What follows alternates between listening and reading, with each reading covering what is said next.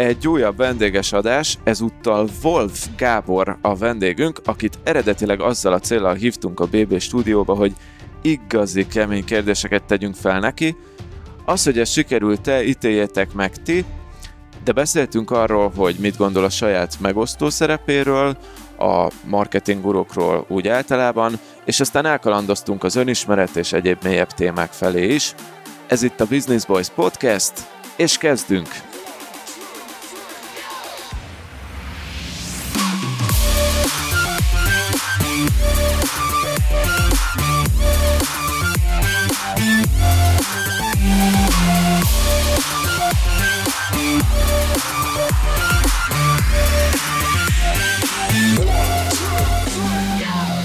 Sziasztok, kedves Business Boys hallgatók! Egy újabb podcast adással érkeztünk hozzátok, amelyben egy illusztris vendégünk is van, Wolf Gábort sikerült levadásznunk erre az interjúra. Ati pedig Kismaroson ül, online csatlakozott hozzánk, itt a HubHub-ban vagyunk, és Mester Tomival ülök még itt. Sziasztok! Sziasztok! Gábor is megköszönt, és Atitól is egy köszöntést kérnék Sziasztok. szépen. Nos, tehát mi nagyon régóta készültünk erre az interjúra, és vártuk azt a pillanatot, hogy meghívhassuk Gábort vendégnek, de aki talán nem ismeri, egy pár mondatot mondok róla, Wolf Gábor hazánk talán legismertebb marketing szakértője, és közel 20 éves cége a Marketing Commando kifejezetten kis és közepes vállalkozások marketing tanácsadására specializálódott. Jól mondom? Hát eddig, eddig pöpec. Oké.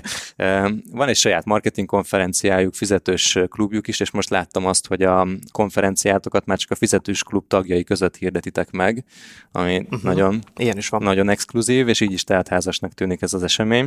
Viszont Gábor egy sokak számára megosztó személyiség, marketing gurunak tartják, ami nem tudom, hogy jó vagy rossz a te szemedben. Vannak, akik visszajönnek ettől a kifejezéstől, hogy bárki uh-huh. gurunak titulálja magát, vagy a környezet gurunak titulálja őt, mások pedig ténylegesen hiteles igazi jó specialistának, szakértőnek tartják, úgyhogy ezt a két nézőpontot ma mindenképpen szeretnénk ütköztetni ebben a beszélgetésben. Gáborra egyébként sokszor hivatkoztunk már a Business Boys adásokban, Mr. Wolfként emlegetünk téged, mert nem, nem szeretjük így nagyon kimondani az emberek nevét, mert akkor így kicsit ilyen Azt reklámnak hiszik, tűnik. reklám. Igen. Igen. Nem mondjátok. Úgyhogy, úgyhogy nagyon-nagyon titkosan Mr. Wolfként hívunk téged, és Akikről, igen, akikről sokat beszélünk, azoknak adunk egy kódnevet. Hát a tiéd az nem annyira titkos, de a Mr. Wolf a ponyvaregényből. Ha, pont persze, hogy megvan. Aha, jó. Harvey Keitel. Kicsit, kicsit híresebb még, mint én, úgyhogy holnap is bemegyek dolgozni. sok podcastet kell még adnod interjút. hogy igen. Lenyomd őt, nálunk Mr. Wolfként szerepelsz. Egyszer egyébként egy kicsit meghekkeltük az Instagram sztoridat, arra biztos Emlékszem, emlékszel, ez, hogyne, ez volt hogyne. a mi De ez nagyon ügyes volt. kapcsolódásunk. Le a kalappal. Itt ugye, aki nem tudja, arról volt szó, hogy Gábor egy eh, dugóban ülve feltette a kérdést az Instagramján, hogy milyen podcasteket hallgattok. Ezt az Attila levadázta Instagramon hirtelen, én bedobtam a Facebook csoportunkba, és eh, kértük a kedves hallgatókat, hogy árasszák el Business Boys-os visszajelzésekkel Gábort. El is árasztottak. Majd ennek az lett a következménye, hogy jöttek a következő sztorik, hogy nem tudom, több tucat Business Boys-os visszajelzés jött hozzátok, és akkor az volt Gábornak a válasza erre, hogy jól csinálják a srácok. Uh-huh, uh-huh. És erre mi nagyon büszkék voltunk, megköszöntük a közönségünknek, E- ez volt az első ilyen, ilyen growth hackünk, úgyhogy erre büszkék is vagyunk, és innen jött egyébként már az, a, az az érzés, hogy nagyon szeretnénk téged meghívni podcastbe a vendégeink közé, de az volt itt a kérésed, és igazából mi ezzel nagyon egyetértünk, hogy nem megszokott kérdésekkel, ilyen standard interjú kérdésekkel árasszunk el téged, hanem ne udvariaskodjunk veled szemben, és ezt, ezt mag, ma, mi egészen komolyan is vettük. Aha. De hát persze olyan nagyon nehéz, azért rád rosszat mondani legalábbis számunkra, de próbáltunk összeszedni olyan okay. dolgokat, amikkel kicsit majd megizzasztunk téged. Viszont ha, ha már itt vagyunk, hogy a, az Insta Story, aztán téged is szóhoz engedünk jutni, hogy a legelső, amikor mi próbáltuk hozzád a Business Boys podcastet így a, a tudatodba bevinni, meg visszajelzést kérni róla, az az volt, arra szerintem viszont már nem fogsz emlékezni, de nekem megvan az üzenet, hogy én küldtem a Marketing Commando Facebook oldalnak, Uh-huh. amire te válaszolsz szerintem, egy üzenetet, hogy itt a Business Voice első adása, Léci, hallgass meg, uh-huh. mit gondolsz róla, van-e feedbacked, hallgathatod futáshoz is, izé, és erre azt, ezt nem tudom, felolvashatom el, Jó, Nyugodtan, felolvasom, nyugodtan. hogy azt válaszoltad, hogy köszi az ajánlást, de ha azokkal akarsz versenyezni, akik már jelenleg sorban állnak a Cardio playlistemen, akkor amerikai konferenciák felvételével és 2000 dolláros tananyagok hanganyagával versenyzel. Egy gyomros. Kis motiváció. És, igen, igen, kaptunk egy gyomrost, és rögtön jött egy jó tanács utána, hogy ennél jobban el kell adnod, hogy miért hallgassam meg a podcastedet, de nem csak nekem, hanem mindenkinek, akit hallgatóként szeretnél megfogni. Nos, kérdőjel kacsintós. Aha, jó, elégedett vagyok a válaszommal. Igen, erre, erre... De meg is történt. Tehát össz, most van, aki erre besértődik, aki ezt egóba veszi. És akkor rögtön tudom, hogy neki még van egy pár éve hátra, mire eljut odáig, hogy normálisan tudjon marketingezni. Szerintem te helyén kezelted, hogy ti helyén kezeltétek, és összettétek magatokat, és csináltatok aztán egy marha jó gerilla akciót. És végül itt vagy vendégünként, ja, ja, ja. Igen. célt értünk. Igen, viszont akkor, akkor kanyarodjunk is rá a témára, és hogy, hogy itt adáson kívül még azt mondtam neked, hogy valahogy neked ugye az elmúlt húsz évben te nagyon aktívan dolgozol ezen a, a branden, amit felépítettél, és mégis menet közben kialakult egy olyan megítélés rólad, hogy, hogy egy félig egy ilyen megosztó figura vagy hmm. a marketingen belül, és hogy te ezt érzed-e magadon, vagy érzed-e abból, ahogy az emberek reagálnak rád, és, és hogy úgy általában mit gondolsz erről? Kevésbé érzem, mint régen. Tehát ez egy, ez egy bevált stratégia, hogyha egy személyes márkát be akarsz vezetni, hogy az elején legyél megosztó. Ugye én ezt tanítom is.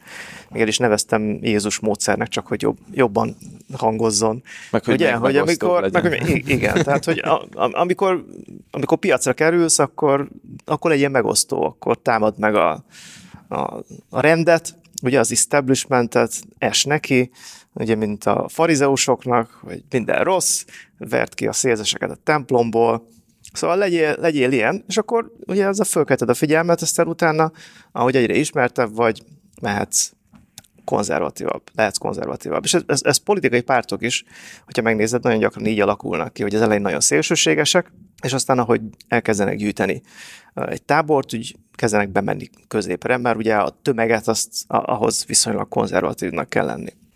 Szerencsére ez mondjuk egyezett a, személyiségemben, mert amúgy szeretem úgy piszkálni az embereket, kimozdítani egy kicsit a kényelmi zónájukból, mert ugye ez egyértelmű, nem, hogy ott, ott semmi nem történik. És működött. Az egyetlen hátulütője az, hogy persze emiatt, aki egy kicsit a célcsoport szélén van, ő csak a, a megosztó részt látja ebből. Hogy itt van ez a farok, aki állandóan hadovál, meg beleköt, meg mit tudom én, fine, business, őket nem kell. A, aki viszont bent van, az, az, az értékeli. Tehát ez a jófajta megosztás. De és akkor neked, tehát azt mondod, hogy ez stratégia is volt? Abszolút. De a személyiségedből is fakad. Igen, igen, igen. Aha, tehát, hogy, hogy az elejétől ezt, ezt direkt így csináltad, és nem volt soha olyan, hogy mondjuk kicsit azt érezted, hogy sok volt, ami, amit csináltál?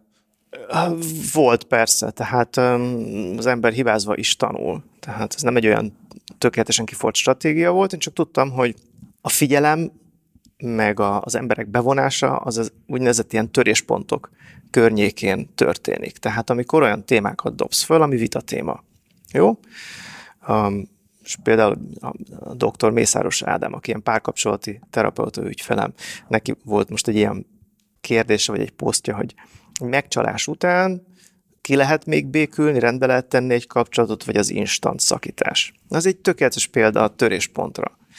Ugye, mert erre mindenkinek van véleménye, az emberek bevonódnak, megkapod a figyelmet, megkapod a kommenteket, és aztán utána elmondhatod a, az álláspontodat. De egyébként nem is lehet így ebben a közösségi média világban olyan tartalmakat megosztani, ami nem megosztó valamilyen értelemben, vagy valamilyen interakciót nem kelt, mert az, amikor már egyszerűen csak egy terméket kiposztolunk, vagy egy szolgáltatást kirakunk, vagy egy, egy, egy jó fotót kirakunk, az már abszolút nem érinti meg az embereket, és amikor, amikor mondjuk organikusan pár százalékhoz jut el egy, egy tartalom, uh-huh. akkor az az egyetlen eszközöt, hogy olyan olyan dolgokat ír ki, amihez elkezdenek kommentelni az emberek, és így jut el a követőkhöz végeredményben. Tehát valójában itt az algoritmusra is rá kell játszani, másik oldalon meg tök igaz, amit mondasz így a uh-huh. töréspontok kapcsán, hogy ez is alakítja ki azt, hogy figyelnek majd rád. Amit sokan nem fognak föl, nagyon sokan nem fognak föl, hogy az üzlet az show business. Ha nem tudod megfogni a figyelmüket, akkor kész. Akkor mi, mi, akkor elkölthetsz egy tonna pénzt, és izomból megszerzed a figyelmüket, de kiraksz egy logót, és elköltesz rá egy milliárdot, akkor az emberek megtanulják a, a nevedet. De hogyha van benned egy kis fifika, és tudod, hogy a célcsoportodat mi érdekli, miről beszélnek, miről vitatkoznak, akkor tessék akkor beleállni két lábbal. Akkor főleg Magyarországon lehet érezni azt, hogy önmagában marketingeseknek nagyon rossz megítélésük van. Hm. És miért lehet ez, vagy te, te mi, a, mi a véleményed erről? Mert azért látszódik, hogy nagyon sok fiatal marketinggurunak adja el magát, és, és közben se a uh-huh. tapasztalat, se a tudás nincsen mögötte többnyire, hogy ezek mennyire bántják a szakmát, vagy mennyire húzzák le ezek a dolgok. Fú, um, ez, egy, ez egy nagyon nagy téma, és nagyon sokrétű. De hogy tényleg rövidre fogjam, régen bárki lehetett fogorvos, ugye, aki ki tudta, akinek volt egy fogója, meg egy üveg viszkie, vagy egy nem tudom, egy furkos botod érzéstelenítőnek. És aztán a piacot szabályozták. A marketing szakértő, vagy bármilyen szakértő, vagy üzleti tanácsadó, az jelenleg abszolút szabályozatlan, vagy legalábbis teljesen minimálisan. A belépési korlát kicsi, bárki lehet üzleti tréner, bárki kiírhatja, hogy tartok egy sales tréninget, csinál egy jó honlapot, és el tudja kezdeni eladni magát. Szóval ez, ez, ez nem jó. Ezt nyilván valamilyen szinten szabályozni kell. A, a piac, a vevő nem is ismeri azokat a szempontokat, ami alapján választhatna. Tehát ti foglalkoztok üzlettel, nem tudom hány évet csináljátok, most már így gondolom kezditek kapizsgálni, hogy különbséget tudtok tenni valaki között, akinek csak jó a megjelenése, és jól eladja magát, vagy valaki, aki mögött tényleg van valódi tartalom, meg valódi tudás és tapasztalat. De az ügyfelek nagy része nem ilyen, pláne akik ugye most kezdenek el vállalkozást csinálni. Tehát csőstül alakulnak a vállalkozások, fiatalok kezdenek bizniszt, körbenéznek, valakinek van egy jó honlapja, jól előadja magát, azt mondják, ú, én is én akarok lenni, és benne hozzá tanulni. Fogalmuk sincs, hogy, hogy mi van mögötte. Tehát uh, ilyen szempontból én örülök, most például ezen a héten a, a csoportunkban valaki posztott, hogy gyerekek, itt van egy új szabályozás, hogy mostantól tréninget úgy lehet csak tartani, azt talán ti is hallottátok, hogyha ha te akreditált vagy az adott témában, és aki bejön hozzá tréningre, vagy workshopra, annak a, a nevét le kell adni egy ilyen központi regiszterbe, és a tréningnek a költségét csak akkor számolhatod el, mint üzleti költség, hogyha ez tisztességesen le van adva. Ami nyilván egy, egy csomó ember vagy kiesik, hogy nem fog tudni tréninget tartani, vagy most majd mindjárt beindul az okoskodás, hogy akkor hívjuk, nem tudom, csoportos konzultációnak, lesz egy ilyen tisztulási, rendeződési, de ez, ez pontosan olyan, mint amikor valakinek, akinek volt egy fogoly, meg egy furkos botja, azt mondták, hogy mostantól nem csinálhatod, nem húzhatsz fogat, csak akkor, hogyha először elvégzel egy öt éves egyetemet. De ez egy szarügy. Akkor megélhetésedet újra kell gondolni a következő öt évre. Úgyhogy én ennek a szabályozásnak kifejezetten örülök, de azt is tudom, hogy egy csomó mindenki, aki, aki tehetséges, meg szeretne ebből megélni, annak ez egy akadály lesz, vagy ez egy probléma.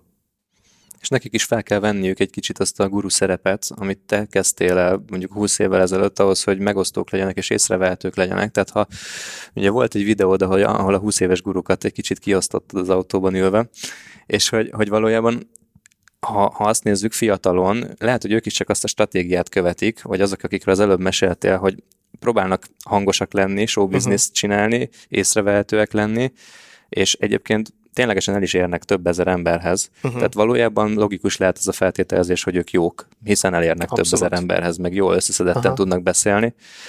De hogy ez tényleg baromi nehéz, hogy, hogy a, a fogyasztó el tudja azt, vagy a vevő el tudja dönteni a háttérben, hogy majd amit kap a végén, az tényleges érték lesz, és uh-huh. azért itt a, a, a, az idő, meg, a, meg a, a, az a rengeteg munka, amit te már beletettél abba, hogy a brandedet felépítsd, az talán azért az feljogosít arra, hogy a 20 éves gurukat egy kicsit kiazd.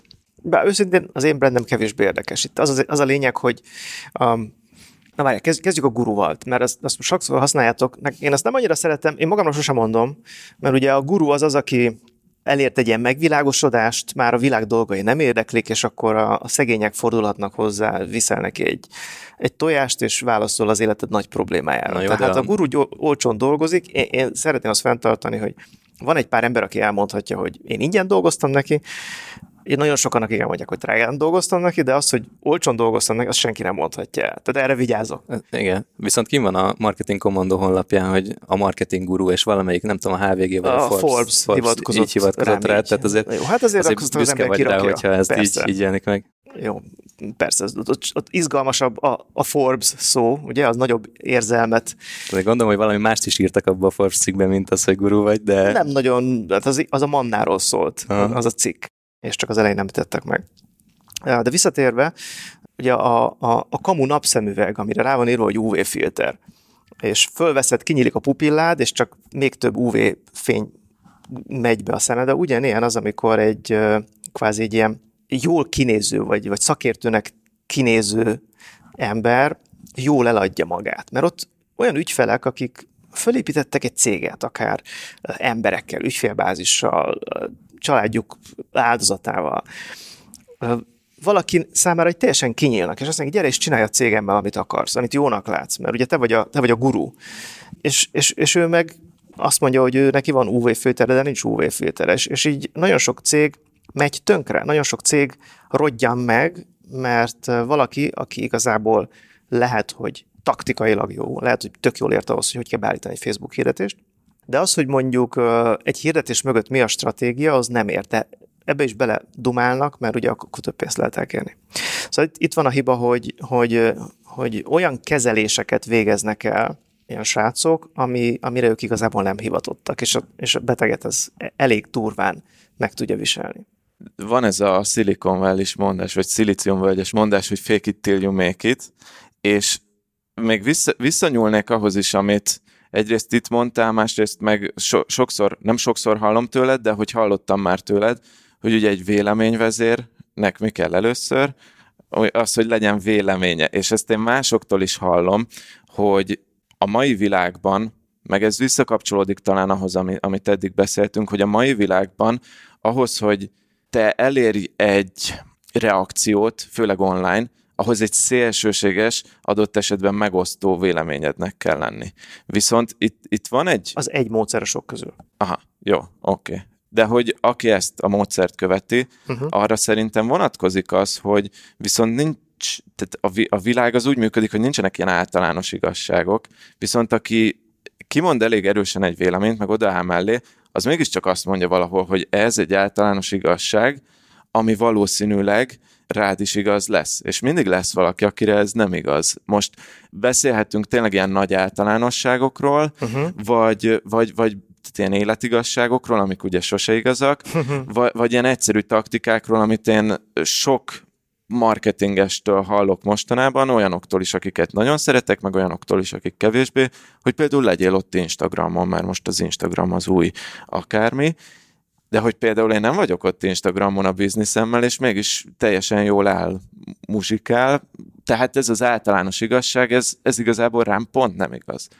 És, és innentől fogva lehet, hogy én ott vagyok a, az ő célcsoportjukban, de mégis nekem hiteltelenné válik, amit mondanak. Uh-huh. Szóval itt érzek egy ilyen ellentmondást, amit én még nem tudtam feloldani. Oké, okay, hadd segítsek neked jó, ezt feloldani, jó, mert jó. erre igazából egyszerű a válasz, hogy mivel az utóbbi tíz évben nagyon sok marketing eszköz robbant és vált nagyon ismerté és népszerűvé, könnyen elérhetővé, ugye az online, elsősorban az online miatt, így ezeknek az eszközöknek kialakultak szakértői a, akik igazából nagyon jó szakemberi, valószínűleg tök jól értenek hozzá, kívülről, belülről az összes ap, apró részletet, tehát hogyha neked stratégiát, hogy használsz az eszközt, például az Instát, akkor tök jó, hogy fordulj egy ilyen szakértőhöz.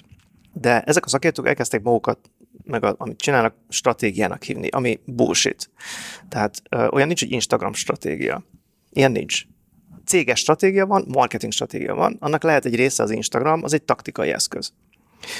Csak ugye, hogy tréningedet, hogyha azt írod, hogy Instagram taktika, akkor eladod 20 ezerért, hogyha azt mondod, hogy Instagram stratégia, akkor meg eladhatod 80-tól 120-ig. Oké? Okay.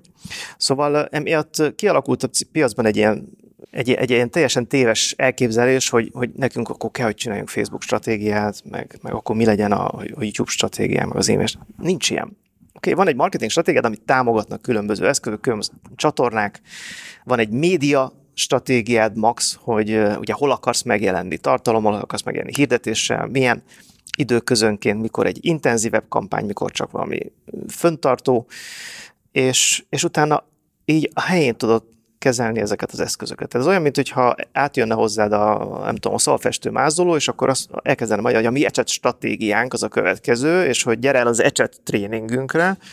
Érted? Aha. Teljesen de akkor no, lehet, hogy pont ezért vannak ezek a csalódottságok az ügyfelekben, mert egy stratégiánál sokkal többet várnának. Tehát, hogy hmm. ilyenkor érezhetik magukat ja. becsapva az emberek, és pont, pont ezért kezdenek a guruk hiteltelennél, a uh-huh. fiatal guruk, ugye, hiteltelennél válni, és, és ez hat ki a, olyan cégekre is, akik meg alapvetően nem, nem bullshitelnek. Abszolút egyetértek. Ugye sokszor hozom példának Bárdos Andrást, aki azt mondta a hitelességről, hogy ne akarj se többnek, se kevesebbnek tűnni, mint amilyen vagy. És a probléma akkor indul el, hogyha többnek akarod magadat feltüntetni. Ami egyébként gyakran mondják a marketingről, hogy ez a, ez a, de hát a marketing arról szól, hogy mutasd magad jobbnak. Nem, hanem egyszerűen csak mondd el érdekesen az igazságot, mondd el izgalmasan az igazságot, de ne akar többet mondani, mert akkor automatikusan csalódottságot fogsz okozni annak, aki, aki vásárol tőled. Na jó, de ki mondja, meg, ki mondja meg azt, hogy mi a, hol van az érdekesnek a szintje, meg hol van az, ami már csúnya szó, de hazugság szint, mert hogy ugye most beszéltünk szabályozásokról, de ezt, ezt objektíven nem lehet leírni, szubjektíven meg az ember főleg saját magáról megítélni, hogy ő, most azt mondja, amit a közönség hallani akar, vagy azt, amit az, az ami az igazság, vagy az, amit ő hallani akar, azt nagyon nehéz bentről megítélni. Oké. Okay. Okay. Ez általában, amikor erről elkezdünk beszélni, akkor nagyon hamar fölmerül, hogy mi a helyzet azzal, hogy fölöltözni elegánsan, vagy fölöltözni topisan, szabad-e minket használni, vagy nem. Ugye, mert a marketing végül is hasonló. Valamit kiszínezel, jól becsomagolsz, szépen becsomagolsz, ízlésesen tálod egy húst nem csak oda csapsz a tányérra, hanem teszel hozzá egy-két zöldet, meg valami csíkot a, nem tudom, majonézból, vagy egy szívet, érted? Tehát ez, ez, ez a marketing. A hús attól annak, annak tartalmasnak kell lenni, annak laktatónak kell lenni. A termék kacat, és csak a, azért akkor éhes marad a vevő, és csalódott. Szóval ez, ez, ez egy gyakori kérdés, ugye, hogy, hogy meddig mehetünk el abban, hogy érdekes, izgalmas, vagy egy sót csapunk a termékben. Én azt mondom, hogy ha, a termék jó, akkor szinte kötelességed nagy sót csapni köré, mert különben megfosztod azt a vevőt attól az eredménytől, ami miatt létrehoztad azt a céget. Igaz? Hiszen azért hoztad létre, hogy egy vevőnek megold a problémáját, nem tud csökkent a fájdalmát, vagy valami olyan eredményt adj neki, vagy egy olyan vágyat kielégítsd, ami nélküled szegényebb lenne az élete. De ez így, így kicsit fekete-fehér, hogy egy termék jó vagy rossz. A, amit érdemes megnézni amúgy a hallgatóknak, ezt, ezt nekik mondom külön, ezt én néztem még annó is, meg tegnap újra néztem a Puzséros vited. A, az, az szerintem az, az zseniális, ahogy ütköznek a vélemények. Ez egy jó vita volt, igen. De, és ott hoztad, a, ott hoztad a fokrémet hasonlatnak, hogy az egy milyen jó termék, és marketing nélkül ugye nem lenne jó termék de hogy mondjuk, és ez, ez egy tök jó példa, de ha mondjuk maradunk egy tréningnél, ami lehet Instagram taktikák, vagy Instagram stratégiák, vagy Instagram, hogyan legyen milliárdos Instagrammal, ja, ja, vagy nem tudom, Aha. hova lehet fokozni. Szóval, hogy ez a tréning, ez lehet jó Instagram taktikák tréning, de gyenge Instagram stratégiák tréning. Szóval az embernek nem csak azt kell belülnie, hogy jó-e, amit ad, hanem hogy mennyire jó vagy, hogy, hogy, hogy mi az az üzenet, ami találkozik a, azzal, amit, amit ő tényleg kínál, és lehet, hogy egy adott üzenethez nagyon jó terméket kínál, és szerintem ez nehéz. Tehát én, én, én azt gondolom, hogy ezek az önjelölt uh, 20 éves guruk is, ők a legjobb jó szándékkal csinálják valószínűleg, amit Biztos. csinálnak. Tegyük föl, hogy, hogy igen. Jó, tegyük föl, igen, hogy, hogy, hogy nem szkemelni akarnak. Az emberek nagyrészt jók. Oké, okay, jó indulatúak. Tehát ezt, ezt el lehet mondani itt a tévedés, meg igazából ami, ami a nehézség a mai világgal, ugye, hogy mindenből túlkínálat van. Tehát ugyanúgy, ahogy egy, egy vállalkozónak nehéz eldönteni, hogy akkor most ott legyek mindenhol, minden felületen kommunikálja, hiszen nagyon fontos. Valaki fönt van a LinkedIn egy, egy konkurensem, és hasít, akkor nekünk is föl, és akkor szétszóródnak az emberek, szétszabdolódnak a, az erőfeszítései. a figyelme, ugyanilyen a, tehát milyen rohadt sokféle kaja, kaját tesznek elénk, igaz? A, világ. És hát látszik is az embereken, hogy, hogy ezzel nagyon sok mindenki nem tud megküzdeni. Nekem is volt olyan korszakom, amikor nem tudtam megküzdeni. Nem értettem, hogy mi a jó kaja, azt hittem az a jó, ami finom. És uh, ugy, ugyanígy, tehát ezt meg kell tanulni, ez, ez mindenkinek a maga felelőssége, mert különben elhízol, elbutóz, el, tényleg elhűlsz.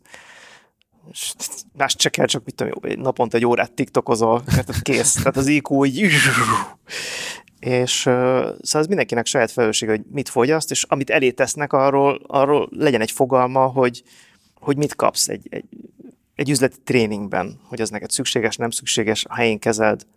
Mondok egy példát, tehát a, a, erre volt régen egy tök jó bejáratot rendszer, ezek a cég, meg hogy is hívták, amikor bejöhet, bementél oda inasnak. Uh-huh. És ma ennek tök jó, hogyha ez így menne. Tehát én például tök szívesen csinálnám azt, hogy élnék egy olyan üzleti világban, kicsit korábban kellett volna ehhez gondolkodnom, de hát én is egy szervezetépítő vagyok, hogy fölveszek egy-két embert, tanulja ki mellettem a szakmát, és aztán menjen csinálja meg a sajátját. És akkor egy ilyenbe bejöhetne valaki, aki mondjuk TikTok szakértő. És akkor azt a pár ügyfelet, mit tudom én, az ügyfeleimnek a 5%-a, aki tinédzsereknek ad el, akkor azt mondanám, hogy dolgozatok vele. Ő beállítja nektek, ez egy, egy szakember, oké. Okay. De ott van az a baromi nagy kísértés, hogy amikor te azt mondod, hogy kitanulod a TikTokot, hogy ne beállj valaki mellé, ne elmenj egy ügynökséghez, ne elmenj egy más, egy, egy már bevált céghez, hanem én csinálok egy TikTok stratégiai tanácsadó céget, és hozzá fogom sétálni Érted? Tehát marra nagy a kísértés, és megértem, hogy ennek nehéz ellenállni. Én is nehezen állnék ellen. Hát pláne, hogy, hogy látszanak azok a minták, hogy aki mer kiállni a közönség elé, jó beszélőkéje van, az ma háromszor négyszer annyit tud keresni, mint hogyha a ügynökséghez elmenne, és végigjárná ezt az inasi utat, ami egyébként ténylegesen valószínűleg a tapasztalatszerzésnek, meg a hitelessé válásnak egy, egy nagyon fontos alapköve, uh-huh. de sokszor a pénz az, az ezt megelőzi. Tudod, hogy mi a legnagyobb különbség, amit fogsz tapasztalni? Hogy milyen minőségű ügyfeleid vannak. Mert hogyha ha te azt mondod, hogy én mondjuk el akarok menni festőnek, és az ecses, rámegyek az ecsetre, és ecses stratégia, és stb., akkor aki azt, annak bedől, az alapvetően egy elég idióta vevő. Tehát nem akarok minden vállalkozót leidiótázni, aki elment mondjuk egy TikTok stratégiai tréningre, de azért ahhoz kell egyfajta műveletlenség, hogy ennek bedőj. És aki ezt az utat választja, ezt a kvázi gurú utat választja, a, annak el kell számolnia azzal, hogy hozzá a, azok az ügyfelek jutnak, akik, hogy úgy mondjam, lepotyogtak a, a, a jobb cégeknek a tányérjára, vagy az asztaláról. Azokat a morzsákat tudja csak felszedegetni, mert hogyha korrekt lenne, ha tisztességes lenne, amit kínál, meg amit állít magáról, akkor meg tudna szerezni korrekt, felvilágosult, értelmes ügyfeleket. Isteni olyan ügyfelekkel dolgozni, akik ezt átlátják, akikben van már annyi kilométer, hogy, hogy röhögnek rajta, és a helyén tudják kezelni. Hát meg amikor közösen tudtak brainstormingolni, mert nem tudom, nem voltam én nálad konzultáción, de, de el tudom képzelni, hogy ott nem csak egy ilyen egyirányú megmondás van, hogy ezt kell csinálni, hanem aki egy, egy, egy felvilágosultabb ügyfél, az, azzal közösen rakjátok össze és építitek fel. Jól gondolom? Hogyne, hogyne. És ez nagyon ügyfélfüggő, mert beszéltünk erről is, de közben. Igen, igen, igen. én egy kicsit oda vissza, visszatekernék még, hogy említetted ezeket a céheket, és mikor be, bejött az Instagram, te azért így kívülről úgy látszódott, hogy te elkezd, elkezdtetek a, a, a Lacival együtt dolgozni. Milyen Lacival? A Kovács, a, a, a, a Kovács Lacival. Aha.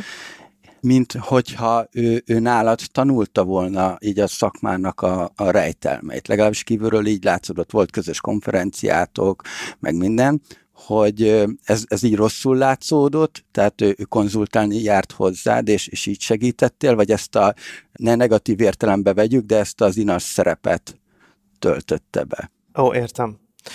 Amikor bejött az Insta, én nem szálltam rá egyből arra a vonatra. Beregisztráltam a céget, mert tudtam, hogy ha, ha nem teszem meg, akkor csak, nem tudom, marketing kommandó 28-32-t fogom tudni lefoglalni. és azt hiszem, hogy egy olyan 4-5 évig nem is posztoltam ott semmit, nem is, nem is olvastam. És a, a Laci, ő, ő rá azt kell mondjam, hogy ő, ő egy kivételes. Tehát bár több húsz éves lenne olyan szorgalmas, meg korrekt, mint ő.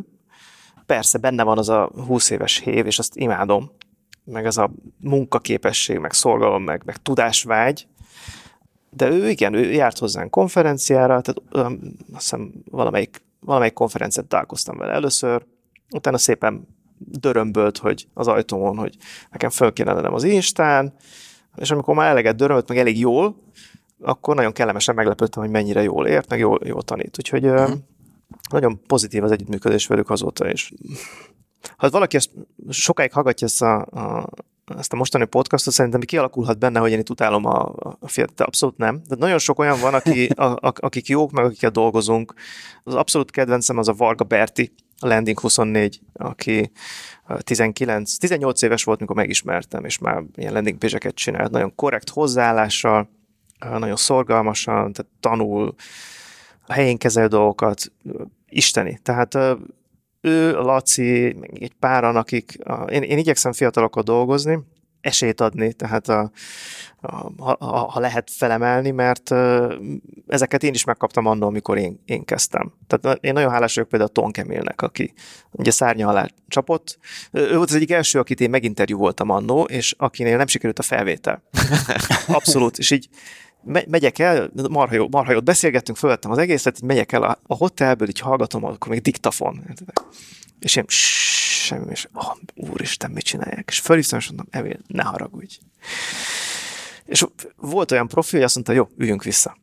És még egyszer megcsináltuk ugyanazt, szinte ugyanazt az interjút. Egy kicsit máshogy, de szóval az vérprofi volt. Jó, hát remélem nekünk nem kell majd hívni. Ti rendesen túl vagytok biztosítva. Hát beleszaladtunk már csúnya dolgokba. Engem egy kicsit, tehát hogy túllépjünk ezen a témán, érdekelne a, a, a, a múltadnak egy szelete. Én, én igazából, én két ponton ismerlek, ismertelek téged. Az egyik volt, amikor így távolról néztem, hogy van egy csávó, aki így osztja az ész. Nekem ez volt az imidzsed. Akkor mit csináltál? Hát szerintem még főiskolás lehettem. Tehát, uh-huh. Tehát abszolút nem, nem, célcsoport. Nem, nem voltam célcsoport, de érdekelt a marketing. Okay. Tehát ilyen szinten kerültél a látókörömben. Sulit végeztél? Kereskedelem és marketinget, igen. Tehát ilyen értelemben képben voltam, de, de távolról néztem meg. Uh-huh. És kicsit ez a, ugye van a kisvállalati marketing biblia könyved, aminek elhoztuk egy első, egy, kiadás. első Azt kiadását. Hogy ami... szereztétek meg? Hát ez a maradjon, amit itt jó. jó. jó kapcsolataink vannak. Aha otthon volt a polcomon. Azt a. Majd erről még beszélünk egy külön körben, de én, én ezzel ugye úgy találkoztam, hogy egy nagy sárga borítója van, ott uh-huh, vagy rajta, uh-huh, ez, a, uh-huh. ez a kicsit ilyen szórólapos az egésznek a borítója. Abszolút, direkt marketing. Abszolút, teljesen, és, és akkor nekem, nekem valahogy ebből már így volt egy ilyen leképeződése a Wolf Gábor image-nek, uh-huh de ezt így el is tettem, nem volt feltétlenül ilyen, ilyen megítélő valami, és az elmúlt néhány évben figyelve követem azt, hogy mit csinálsz, és tényleg látom azt, hogy tanítod az embereket, és tetszik nagyon, amit uh, alkotsz. De mi volt ezelőtt? Hogy lettél te a marketing nagymestere Magyarországon? Van egy ilyen pont az életedben, amikor így egyszer csak eldöntötted, hogy akkor te ezzel fogsz foglalkozni, és oktatod az embereket. Mi volt előtte, az érdekelne? Hát én marketing háttérből jövök, tehát uh, ilyen irányú szakképzettségem van, dolgoztam nagy cégeknél, Procter, a Xerox Motorola, mint marketinges, a, a viszonteladóikkal dolgoztam együtt, az az első, amikor, mert én, én ugye nagyvállalati marketinget tanultam, uh-huh. hogyan költs el egy milliárdot egy reklámkampányra típusú marketinget, és akkor jöttek a, a, a viszonteladók, akik mondták, hogy hát apukám, nekem van rá, mit tudom, egy millió forintom, az éves büdzsém, akkor én mit csináljak? És akkor először mondtam, hogy hát nem tudom. És akkor kezdtem ellenek utána nézni, és amikor elindult, elindítottam a kommandót, akkor az üzleti modell az az volt, az alapján számoltam ki, hogy én fogok dolgozni egy maroknyi ügyfélel, mint marketing tanácsadó, semmi hírnév, meg ilyesmi. De akkor indult be az internet, és rajtam kívül több marketing tanácsadó is volt már. Többen is, tehát nem én voltam az első KKV marketinges az országban, nekem van is egy kis mappám a ahogy itt teltek az idők, ki volt mindig, mindig éppen az aktuális konkurens, hmm. mert azokat néztem, tehát vallásosan követtem, monitoroztam, mit csinálnak, hogy csinálják, és uh, egyik nap röhögtem, ez egyik archívumon megtal- megtaláltam, hogy kiket. Kikkel néztem farkas szemet, és mondom, hogy úristen, ezek azok a, a gonosz izé, ellen Szóval teljesen az volt a modell, hogy, hogy tanácsadás. És akkor bejött az internet, és megcsináltam az első hírlevelet, ilyen ingyenes hírlevelet, és az, az akkor ilyen új volt. Tehát senkinek másnak nem volt, és az, az nagyon sokat segített a felfutásban. És utána a legelső Dan Kennedy konferencián, amire kimentem, nem is tudom, 2006 talán. Ott, amikor szó esett erről az infobusinessről, akkor arról jöttem haza, hogy úristen, ez teljesen megváltoztatta, megváltoztatja a játékot. Uh-huh. És ak- akkor volt, hogy addig, addig is már úgy elkezdett menni, de akkor oda mentem a feleségemhez, és mondtam, hogy figyelj, ebből meg fogunk gazdagodni. Így lesz a Lexus. Ez jó, ez jó cucc. Megtaláltam, amit csinálnunk kell. De ez, ez bocsánat, ez mi ez az infobiznisz alatt? Azt érted, hogy infotermékeknek az árulása, meg konferenciák, meg ugye akkor még gondolom DVD-k, vagy, vagy Abszolút. már. VHS? VHS nekem már nem volt, de igen, ez az. Tehát, hogy információt hogyan csomagolj és adjál, és milyen nagyon sokféle módja, és nagyon, sok, nagyon sokféle jövedelmező módja van ennek de végül is ez igazából bevált, mert a videókból látszódik a, a, a Lexusnak a kormánya mindig. Tehát. Ja, ja, ja.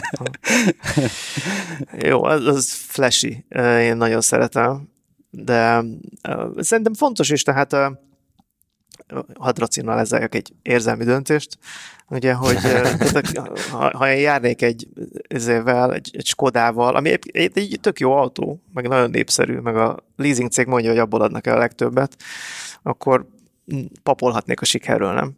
Tehát az, amikor lakótelepi lakásról nyomsz egy élőt, hogy hogyan kell gazdagon gondolkodni.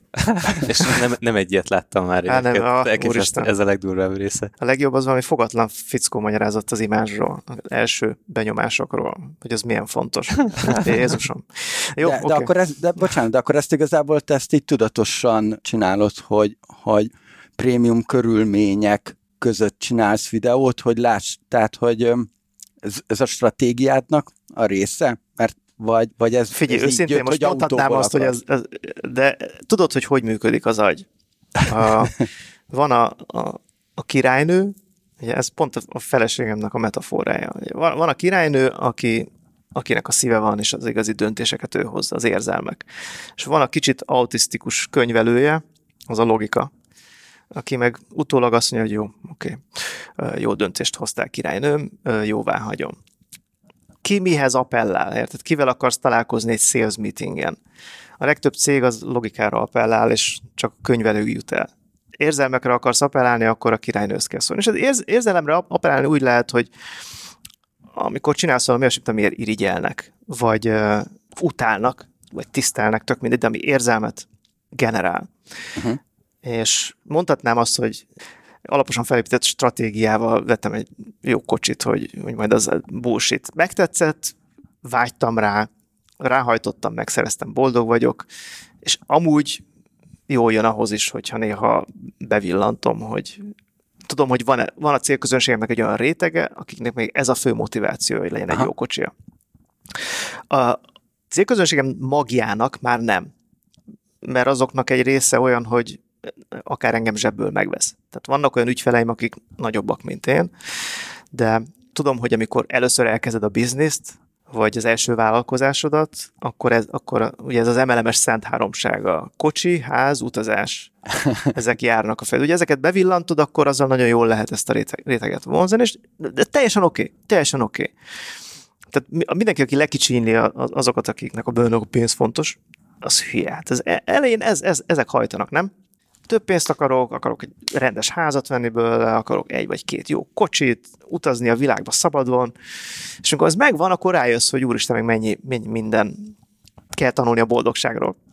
De az elején ezek, ez a benzin, ez a jó benzin, a hajtómerő, a motiváció. Mondjuk ezzel az Attinál nyitott ajtón kopogtatsz, mert ő elég sokszor elmondja, pont az előző részben így arról beszéltünk, hogy miért vagyunk vállalkozók, és így az Adival fölmentünk erre a, hát mert hogy szabadság, meg hogy beszélgessünk akkor Aha. a szabadságról erre a vonatra. A csajozó és, szöveg, igen, amikor vállalkozásról És az Atti megmondta, hogy hm, én nem a szabadság miatt lettem vállalkozó, hanem a pénz miatt. És kész. legtöbben azért leszünk vállalkozók. De aztán később, ugye e- ezért mondom, hogy a vállalkozás az a legjobb személyiségfejlesztő tréning. Nem, nem tudok jobbat. Mert ott kénytelen vagy meglépni ezeket a, a különben leragadsz és a konkurensed elhúznak mellőled a, a vevőket, elveszíted, hogyha ha végig, ugye, a, a, mert a pénz tök jó arra, hogy motiváció, hogy beindíts, de az nem, nem visz tovább, az megrekeszt egy szinten. Ha már szóba jött a marketing biblia, meg a meg, meg ez, a, ez a gazdagság téma, akkor nekem van egy ilyen személyes sztorim, hogy amikor ezt a könyvet olvastam, mit tudom én, 2013-4-ben, a metron kezdtem el olvasni, és így felhajtottam az első, első fejezetet, és ilyen 80-as betűmérettel az első oldalon itt van, hogy hogyan fog téged gazdaggá tenni ez a könyv. Mm. És akkor így úgy olvastam a metron, hogy ezt így letakartam, nehogy valaki meglássa, hogy ilyen önsegítő könyvet olvasok, mert tényleg olyan hatása van, és én értem, hogy mi a logikát, de hogy, meg hogy, tehát, hogy valóban ez, amit eddig beszéltünk, hogy a vállalkozást úgy kezdik az emberek, hogy szeretnének gazdaggá válni, ez a könyv pedig pont egy uh-huh, belépő uh-huh. termék végül is, szóval ez logikus, de ha most adnád ki, ez a könyv, ez 2010-es, tehát pont 10 évvel később. Tényleg. Mi, mindig ezt, még mindig ezt tennéd ide az első oldalra? Hogyne. Hát ez egy alapkönyv, tehát ez azoknak szánom, akik elkezdenek érdeklődni a marketing iránt, logikusan azok leginkább azok, akik elkezdenek uh, vállalkozni. Tehát őket még a pénz hajtja. Tehát nyilván olyan motivációs uh, elemeket teszek bele, ami, ami nekik megfelel. Ugye, hogyha már csinálod 10-20 éve, akkor elkezd érdekelni a tegyük jobbá a világot, meg, meg tanítsunk, meg adjunk vissza, meg ö, egyensúly, meg, meg a csapat, meg a közösség, stb. De amikor, amikor kezded, akkor ez egy teljesen teljesen jó. Hiba lenne, hogyha én elkezdenék arról pofázni egy belépő szintű könyvben, hogy tegyük jobbá a világot, mert az amiatt nem veszel meg egy könyvet, amiatt majd tíz év múlva megveszel. Aha. Akkor ez nálam egy ilyen kognitív diszonancia volt, hogy letakartam, mert ne, bár gazdaggá ne, ne, ne, ne. akartam Tudod, hogy mi volt nálad? A, az, amiért mondtad, hogy metron olvastad, és rögtön jutott eszem, hogy egy, egy csomó, akik ilyen könyvet olvasnak, lehet, hogy tudod, ráraknak egy ilyen kamuborítót, hogy uh, Azon is hogyan, éljünk, hogyan éljünk kis pénisszel. Mert inkább azt lássák a metrón, mint hogy egy üzleti könyvet olvasok, ami, mert meg akarok gazdagodni. És ez, ez megint csak egy társadalmi dolog, hogy nem elfogadott, amikor az elején te arra hajtasz, hogy pénzt akarok csinálni. Aha. Ugye? Nem elfogadott. Tehát ez olyasmi, amit az ember szégyel. És ez egy baromság. De ez mindig így lesz, mert a világ nagy része az nem nem vállalkozó. És azért a, mindenki, aki egy ilyen általános környezetben él, ott az emberek, az ismerőseid, a rokonaid nagy része az olyanok lesznek, akik ezt nem támogatják, vagy legalábbis ferde szemmel néznek rád. És igazából valahol tudat alatt még kívánják is, hogy törjön bele a bicskád, mert ha neked sikerül, az bizonyíték, hogy ők nem tettek meg mindent, vagy valamit nem jól csináltak. Szóval ez egy ilyen szempontból mi, ellen, elég, mi vállalkozók eléggé ellenszélben élünk, dolgozunk. Mm. Ez, egy, ez egy elég érdekes téma, szerintem ez egy külön adás lehetne, meg ez már ilyen filozófiai Fú, erről, erről, erről bármikor nagyon szívesen beszélek. Mondom, hogy olyan másik téma, ami nagyon szívesen beszélek, hogy a, a, a legtöbb sikeres vállalkozó az valamilyen szebélységhibából táplálja az energiáit. És hogyha azt megszünteted, akkor boldogabb lesz a vállalkozó, de kevésbé lesz sikeres a cége. Aha. És na erről órákig tudok benne. De, de ezt, ezt erre, azért mondj, erre azért mondj egy példát, csak hogy tiszta legyen. Oké. Okay. Um, az egyik kedvenc ügyfelem Dudics Dénes, Dudics józánság programok celebeket segít lejönni a szerről, legyen az alkohol, vagy valamilyen drog. És ő nekem nagyon sokat segített megismerni ezeket a személyiséghibákat. Ugye a marketing az 50% pszichológia ismerned kell az embereket. És ami hajtja az embereket az általában az, amit a pszichológusok úgy hívnak, hogy maladaptív viselkedés. Tehát, hogy mondjuk valaki nagyon bosszúálló, vagy olyan, hogy ilyen baromi erős igazságérzete van, és mindenki, mindenkit a legkisebb hibáért is meg kell büntetni. Vagy valakiben van egy nagyon erős megfelelési kényszer.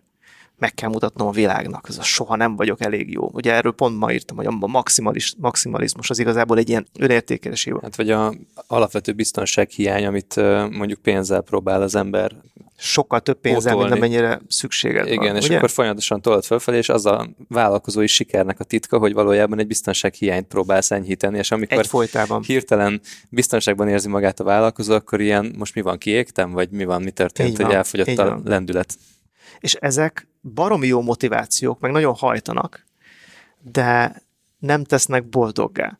Tehát ez egy nagyon érdekes dolog, hogy hogy lőd be azt a nem is tudom, azt a potmétert, hogy maradjon benned benzin, maradjon benned motiváció, hajtóerő, de ne annyi, amennyi tönkreteszi az életedet. Az adás előtt mondtad, hogy Instán megkérdezted a követőidet, hogy mit szeretnének hallani tőled ebben az adásban, és pont egy ilyen kérdést tettek fel neked, hogy és téged mi hajt? Azt hiszem talán így, így volt a kifejezés, vagy így volt a kérdés. Abszolút. De akkor pont ide passzol, hogy, hogy te most ebben a potméterben hol tartasz? Nagyon sokat, de ugye mondtam, a vállalkozás a legjobb személyiségfejlesztési eszköz, és közben megnézem, hogy jött-e még válasz, vagy jött-e még kérdés. És fine, beszéljünk őszintén. Tehát a, azért a, a megfelelési kényszer az bennem is megvolt. Meg egyfajta maximalizmus. Ugye én annak a korosztálynak a, a nevelési eredménye vagyok, tehát hogy a szüleim azok boomerek, Mm. és Magyarországon abban a korosztályban az volt a divat, hogy eléggé maximalista, a gyerek, gyerekkel ne legyünk teljesen elégedettek, tehát hogy és, és a hibákat kiavítani. Hibákat észrevenni, hibákat kiavítani. Tehát ha hazahoztam valamit ötös, akkor miért nem csillagos ötös? És édesapámat is hasonlóan nevelték, tehát ez, ez volt a normális. Ugye, mint ahogy most, meg ez a nagyon megengedő nevelési elv divatos, hogy ugye a részvételért is díjat adunk a gyereknek, és jogod van mindenhez, ugye ez a feljogosítottság, stb. Aminek most például tök jól látszik Amerikában az elem. Úristen, mennyi téma. A, a, akik azt hiszik, hogy a maszk az nem az egészségről szól, hanem a szabadság jogaidnak a megcsorbításáról. Szóval bennem ez volt. Nekem a, a benzinem az, hogy, hogy, hogy jól csináljam, sikeres legyek, ugye zenész család, tehát az, hogy hányan tapsolnak neked, az, az, az a véremben van, hogy az a sikernek a mércéje, és minél több, minél nagyobb. Ez, ez olyan ösztönös bennem lévő hajtóerő, pedig tudom, hogy ettől nem leszek alapvetően boldogabb. Jól esik, tehát öröm, igen, boldogság nem. Tehát időnként kurva jó, amikor egy ezer fős expo tapsolnak meg, én látom, hogy élvezik az előadásomat, óriási érzés, de hát tudom, hogy hosszú távon ez nem, tehát hogyha minden nap ezt kéne csinálnom, akkor beledöglenék.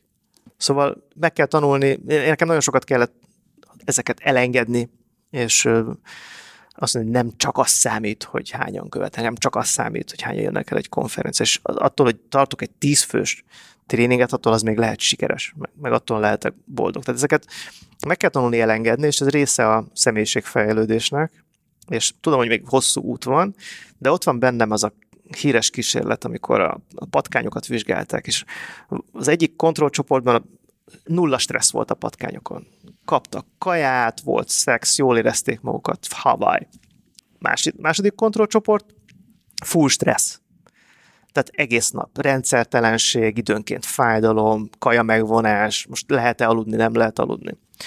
És a harmadik kontrollcsoport viszonylag béke, kis stresszel. A harmadik kontrollcsoport ért, ért a legtovább. Az első kettő, azok megdöglöttek, a, vagy a stressztől, vagy attól, hogy semmi értelme nem volt az életben, nem tudom. Úgyhogy e, én erre hajtok, hogy nagy mértékű boldogság az életben, és egy kis egészséges stressz.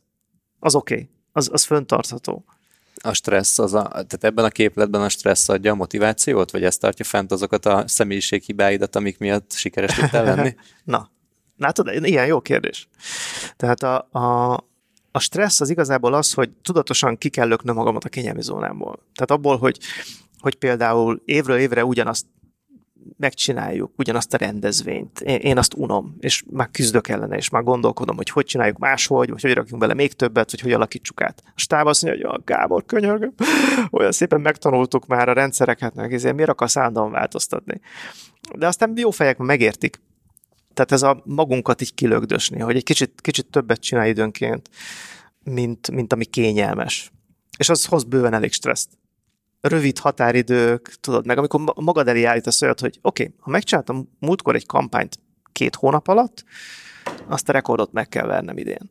És akkor az jó, az úgy hajt, motivál. Aha, tehát ilyenekben éled meg én most már ja, ja, ezt a... Igen, de ezt, nem, nem azt mondom, hogy te is ezt csinálod, hanem találd meg a sajátodat, mert ez mindenkinek persze, más. Persze, értem. Tehát ez nem egy univerzális tanács, Abszolút. amit most mondtál, hanem ez, ez most kifejezetten Wolf Gábor. Igen. Hát ez az a feladat, hogy egyrészt megtalált, hogy mi az, ami téged motivál, és aztán utána az megvalósul az életedben.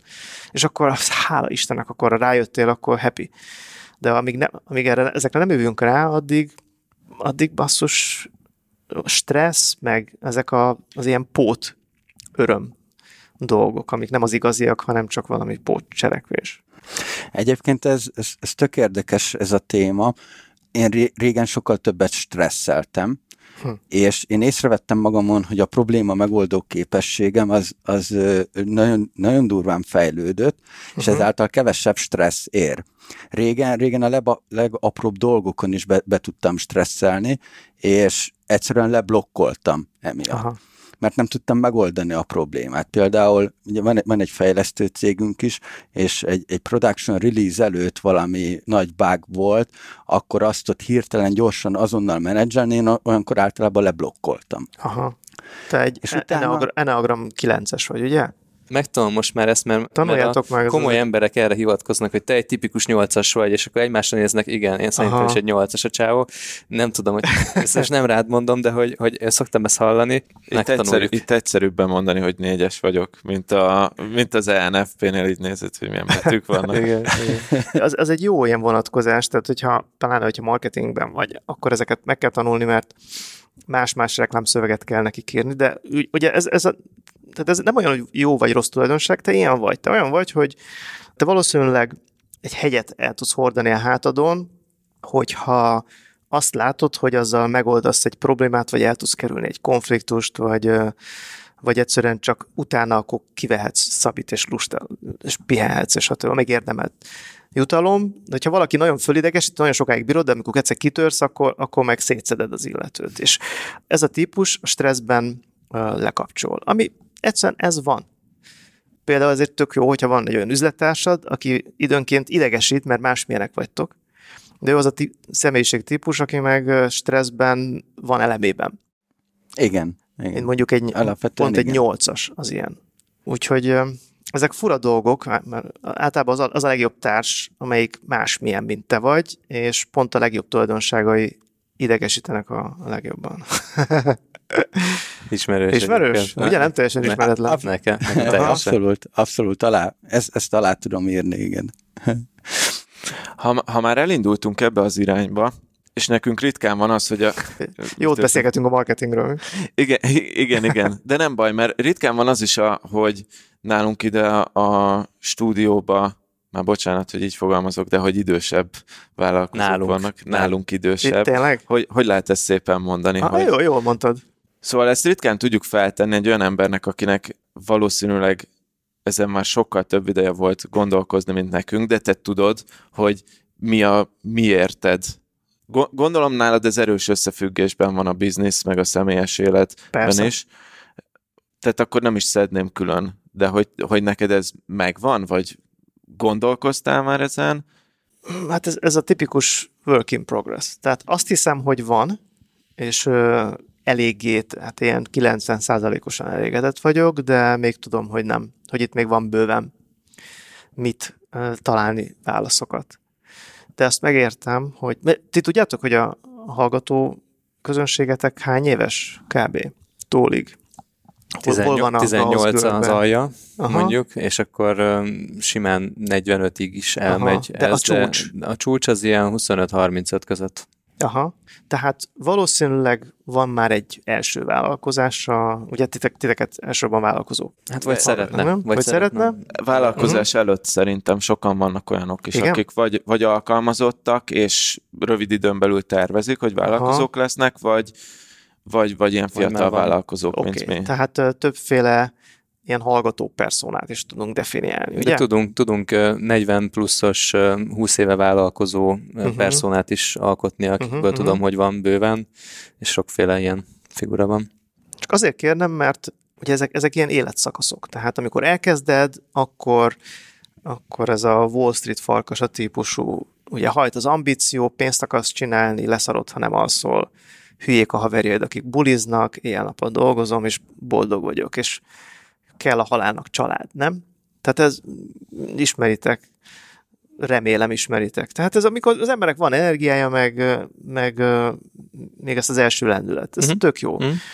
Akkor hogy 30 fölött beüt az, hogy oké, okay, ki ez a két kis fickó, aki a lakásban rohangál, azok a gyerekei itt a fal. Ja? Tehát, hogy, hogy akkor jó, ismerkedjünk meg a családdal, töltsünk időt vele, kis egyensúly kialakítása, céges kezdjenek a rendszerek ki, ne csak ilyen őrülten növekedjünk, hanem legyen valami rendszer, stb. És aztán én azt láttam, hogy akik tényleg ilyen 40 vagy 50 fölötti vállalkozók, azok meg azokat meg már nagyon azt szerint definiálják magukat, amilyen a személyiség. És az alapján nagyon különböző tehát ott, ott kezd először, mint hogyha érdekes lenni, hogy te ki vagy, mint, mint vállalkozó, és hogy a személyiséget formálja nagyon a, a vállalkozás irányát. Tehát ezért mondom, hogy szuper személyiségfejlesztés, csak hogy nem, ne, ne jegyetek meg, amikor még egy olyan szakaszon vagytok, amire azt mondjátok, hogy úristen, ez ilyen lesz egész életemben, meg, meg, meg ne röhögjétek ki azokat, akik mondjuk valaki, aki 50-60-on felül arról papul, hogy de az egyensúly. Csak mondjátok, hogy jó, papa, majd ha ott tartunk. De most még hajtok, és dolgozom éjjel-nappal. Gary csak Ismerjük. Uh-huh. Oké, okay, szenzációs a pasi. Tehát tényleg az, hogy én nem tudom, 15 évig csinálta a Wine Library TV-t, uh-huh. amivel betört, hogy van valameddig. Tehát nyilván van benne kilométer, van benne kitartás, jó, egy jó marketing, stb., de amit az utóbbi időben csinál, az olyan, hogy azt másolod le, amit csinál, de ne fogadj szót neki, mert ő már ezt nyomja, fiataloknak próbálja nyomni azt, amire ő, nem tudom, így 40-50 fölött jött rá, és az viszont nem jó. Mert egy, ha azt mondod egy fiatalnak, hogy hagyd abba a hajtást, és fókuszálj az egyensúlyra, megölöd a, az energiáját. Mert aki 20 éves, és most kezdi a céget, az tapos van, és, és élvezze azt, hogy végig tud dolgozni egy éjszakát. Én emlékszem, amikor kitaláltam, hogy legyen egy konferenciánk, és akkor reggel, vagy este ahelyett, hogy hazamentem volna dolgot, ott mondtam az irodába, és éjjel megírtam egy 16 oldalas, azért, akkor még papír direct mailt, amivel megtöltöttem a konferenciát, és rohadtul élveztem, a pörgök. Ha akkor nekem azt mondta volna egy Gary csak, hogy ezt ne csináld, akkor jó lelkismerte, ezen elgondolkodtam volna, és akkor lehet, hogy elveszi tőlem pont azt a varázserőt, ami akkor a, a legfontosabb. Szóval csak csinyán. Azt lehet másolni, hogy hogy építi fel a social médiáját, de tudod, azt nézd, amit csinál, ne azt, amit mond. De nem válaszoltál a kérdésre. Akkor félreértettem. Ne, hogy mi a mi érted? Hogy nekem mi a mi értem? Ja, bocsánat, nem, én tettem föl rosszul a kérdést, mert azt kérdeztem, hogy tudod-e, hogy mi a mi érted, és végül is arra válaszoltál, mert azt mondtad, hogy 90%-ban tudod. De akkor most megkérdezem azt is, hogy hogy amúgy mi a mi érted, hogyha meg tudod ezt fogalmazni. Um, elég, elég a jelenlegi, elég, a jelenlegi elég állapotát. A, nekem az jelszavam, hogy üzlet a saját feltételeit szerint. Tehát, hogy úgy építsd föl, ami a te személyiségedet, a, a te elképzelésedet az életről támogatja. Um, ezért konzultáció mindig az az első kérdésem, hogy milyen, milyen életet akarsz ezzel a vállalkozással létrehozni. Imádod a szakmádat, és csinálni akarod, hajtani akár, vagy, vagy egy ilyen külső vállalkozó akarsz lenni passzív jövedelemmel, és dolgozom más, te csak föl akarod építeni uh-huh. rendszerek, stb. Hol helyezkedsz el ezen a spektrumon. És én tudom magamról, hogy én bár voltak olyan elképzelésem, hogy majd csinálok egy ügynökséget, és én meg hátradőlök, hát halára unnám magamat, megpróbáltam, abba is hagytuk. Tehát én szeretem a szakmámat, szeretek vele foglalkozni, sok örömem telik abban, hogy, hogy a legtöbb abban, hogy, hogy tanítok, az a legjobb. Akár vállalkozókat, akár marketingeseket, szakmát, és, és ezt szívesen csinálom. Tehát tudom, hogy ha ezzel foglalkozom, akkor boldog vagyok. És akkor, akkor teljes életet élek. Akkor jók a napjaim, és ha jók a napjaid, akkor jó az életed. Hát gyakorlatilag az összes szolgáltatásod, ha jól értem, erre van felépítve, hogy taníts. Mert amikor egy előadást Szoktam. tartasz, akkor tanítasz. Amikor egy, a go-to-marketing zárcsoportban megosztasz valamit, az erről szól. Egy uh-huh, konzultáció uh-huh. is erről szól. A konzultáció kevésbé, ott uh, már egyre gyakrabban van, hogy leülünk együtt, és akkor kidolgozunk valamit. Tehát megcsam neked, vagy egy, együtt megcsináljuk neked. De a tanítás az tényleg a, a, a nagy része. Uh-huh. De például, hogyha megkérdeztél volna mondjuk 10 évvel ezelőtt, 20 évvel ezelőtt ugyanerről, akkor azt mondtam volna, hogy addig nem leszek boldog, amíg nincs egy rohadt nagy irodaházam, bazi nagy betűkkel rajta, hogy marketing kommandó, és, és akár nemzetközi. Mert amíg nincs egy akkora cégem, mint az Apple, addig nem leszek boldog. Uh-huh. Akkor leszek boldog majd, ha. Uh-huh. És, és ugye, ahogy fel, és azért mondom, ez fontos benzin, mert akkor ez hajtott. Igen. De amikor így rájössz, hogy, hogy a tanítás sokkal nagyobb öröm, és nem, nem, nem attól leszel boldog, hogy mekkora irodaházad van. Volt, flashy volt, imád, imádtuk két hétig, aztán utána mindenki megutálta, és föl is mondtuk, mert sokkal jobban szeret mindenki otthonról dolgozni. Mert ez a, ugye az a miért. Miért csinálod? Otthonról szeretek dolgozni, olyan bizniszt akarok, amiben otthonról dolgozhatom. Mondom én. De lehet, hogy te azt mondod, hogy én meg szeretek csapatban dolgozni emberek közt. Volt, volt olyan nagyon tehetséges kollégánk, aki elment a cégtől, mert azt mondta, hogy ő ezt utálja. Ő, ő be akar menni reggel egy csapatba, ott együtt ökörködni, dolgozni, nem feküdt neki az, mert teljesen megértem. Saját, biznisz a saját feltételét szerint. Szóval, hogy, hogy ez, ez hosszú ideig tart, mire erre rájössz, és, és változhat, nem? Tehát ki tudja, hogy ugyanez lesz öt év múlva, miért nem? Könnyen lehet, hogy nem. Csak azért, azért mosolyogtam közben, mert emlékszem, előttem is van ez a kép, hogy én is, amikor fél éve vállalkoztam, pont ugyanez a kép volt előttem, hogy nekem egy óriási irodaházam lesz, csak ugye azon nem az lesz, hogy marketing kommandó, nem az, hogy adatlabor, de amúgy vagy mesterirodaház, vagy valami ilyesmi, de, de hogy igen, előttem pont ugyanez volt, aztán amikor először elkezdtem emberekkel együtt dolgozni, és rájöttem, hogy úristen, ahhoz, hogy az embernek egy irodaházat megtöltsön, ahhoz nagyon jó menedzsernek kell lenni, meg emberekkel dolgozni, akkor aztán én is elmentem egy tök más irányba. Az most pont véletlen, hogy én is oktatós irányban vagyok, és nálatok, ha, ha jól tudom, ilyen 5-6 fős a cég, ugye? Vagy, vagy e, igazából ezt egy nagyon régi interjúból, ez nagyon régi interjúból tudom, csak úgyhogy lehet, hogy azóta változott. Hát a, a, a core csapat, az uh, hárman vagyunk tanácsadók, és a Réka, Kriszta és én, és a Lilla pedig a, a marketing manager a cégnél, és egy külső cég csinálja a, a pénzügy, logisztika, ügyfélszolgálat. Amit most épp kicsit átalakítunk, de kb. Tehát ilyen egy kicsit ilyen sztoasztikusan lehet csak meghatározni, hogy hányan vagyunk. Tehát ez inkább egy ilyen felhő jellegű. De, de pici, tehát kommandó. Uh-huh. Próbáltam nagyobb lenni, én azt nem szerettem. Az már hadsereg lett volna. Ja, ja, ja. Igen, ott, ott van a zenekar. Csak hogy ugyane, ugyanez volt nálam is, hogy aztán én az vagyok a podcastben, aki azt hirdeti, hogy az egyfős cég illetve nem azt mondom, hogy az egyfős cég a menő, hanem azt, hogy én ezt nagyon szeretem, Aha. és mindig, amikor az Adi meg az Ati a csapatépítésről beszélnek, meg mondják nekem, hogy legyen már egy csapat, vagy valami, mert az tök jó leveszi, mindig mondom, hogy nem kell csapat nekem, Aha.